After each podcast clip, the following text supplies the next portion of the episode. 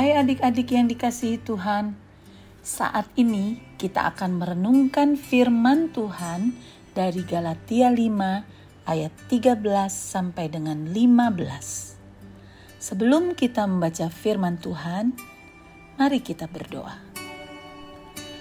Bapa di sorga, di dalam nama Tuhan Yesus, saat ini kami mau merenungkan firman-Mu Tolong kami agar kami dapat mengerti dan mau melakukan dalam hidup kami sehari-hari.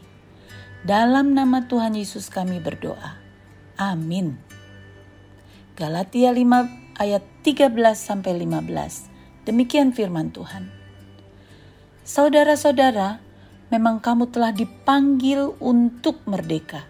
Tetapi janganlah kamu mempergunakan kemerdekaan itu sebagai kesempatan untuk kehidupan dalam dosa, melainkan layanilah seorang akan yang lain oleh kasih. Sebab seluruh hukum Taurat tercakup dalam satu firman ini, yaitu kasihilah sesamamu manusia seperti dirimu sendiri. Tetapi jikalau kamu saling menggigit dan saling menelan, awaslah supaya jangan kamu saling membinasakan. Merdeka! Merdeka! Merdeka! Bangsa Indonesia merayakan hari kemerdekaan setiap tanggal 17 Agustus dengan berbagai macam lomba.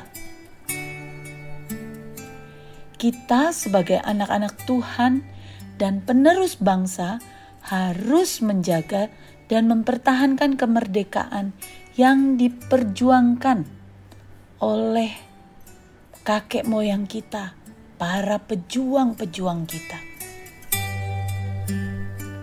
Ya, walaupun adik-adik masih kecil, kita dapat melakukan banyak hal agar adik-adik sebagai penerus bangsa dapat menjaga dan mempertahankan bangsa Indonesia yang kita cintai ini dengan banyak cara. Antara lain satu, saling mengasihi. Yang kedua, saling membantu, menolong, melayani. Yang ketiga, saling mengingatkan jika ada yang salah. Yang keempat, saling memaafkan. Mari adik-adik kita jalani kemerdekaan yang telah Allah berikan dengan pimpinan Roh Kudus, sehingga hidup kita berbuah dan dengan hati yang gembira mau melayani sesama yang ada di sekitar kita dengan penuh kasih. Ingat ya adik-adik, hidup kita harus berguna untuk orang lain sehingga Tuhan memakai kita sebagai saluran berkat. Mari kita berdoa. Bapa di sorga, ajar kami untuk terus menjadi anak-anak yang menuruti firman Tuhan. Dalam nama Tuhan Yesus. Amin.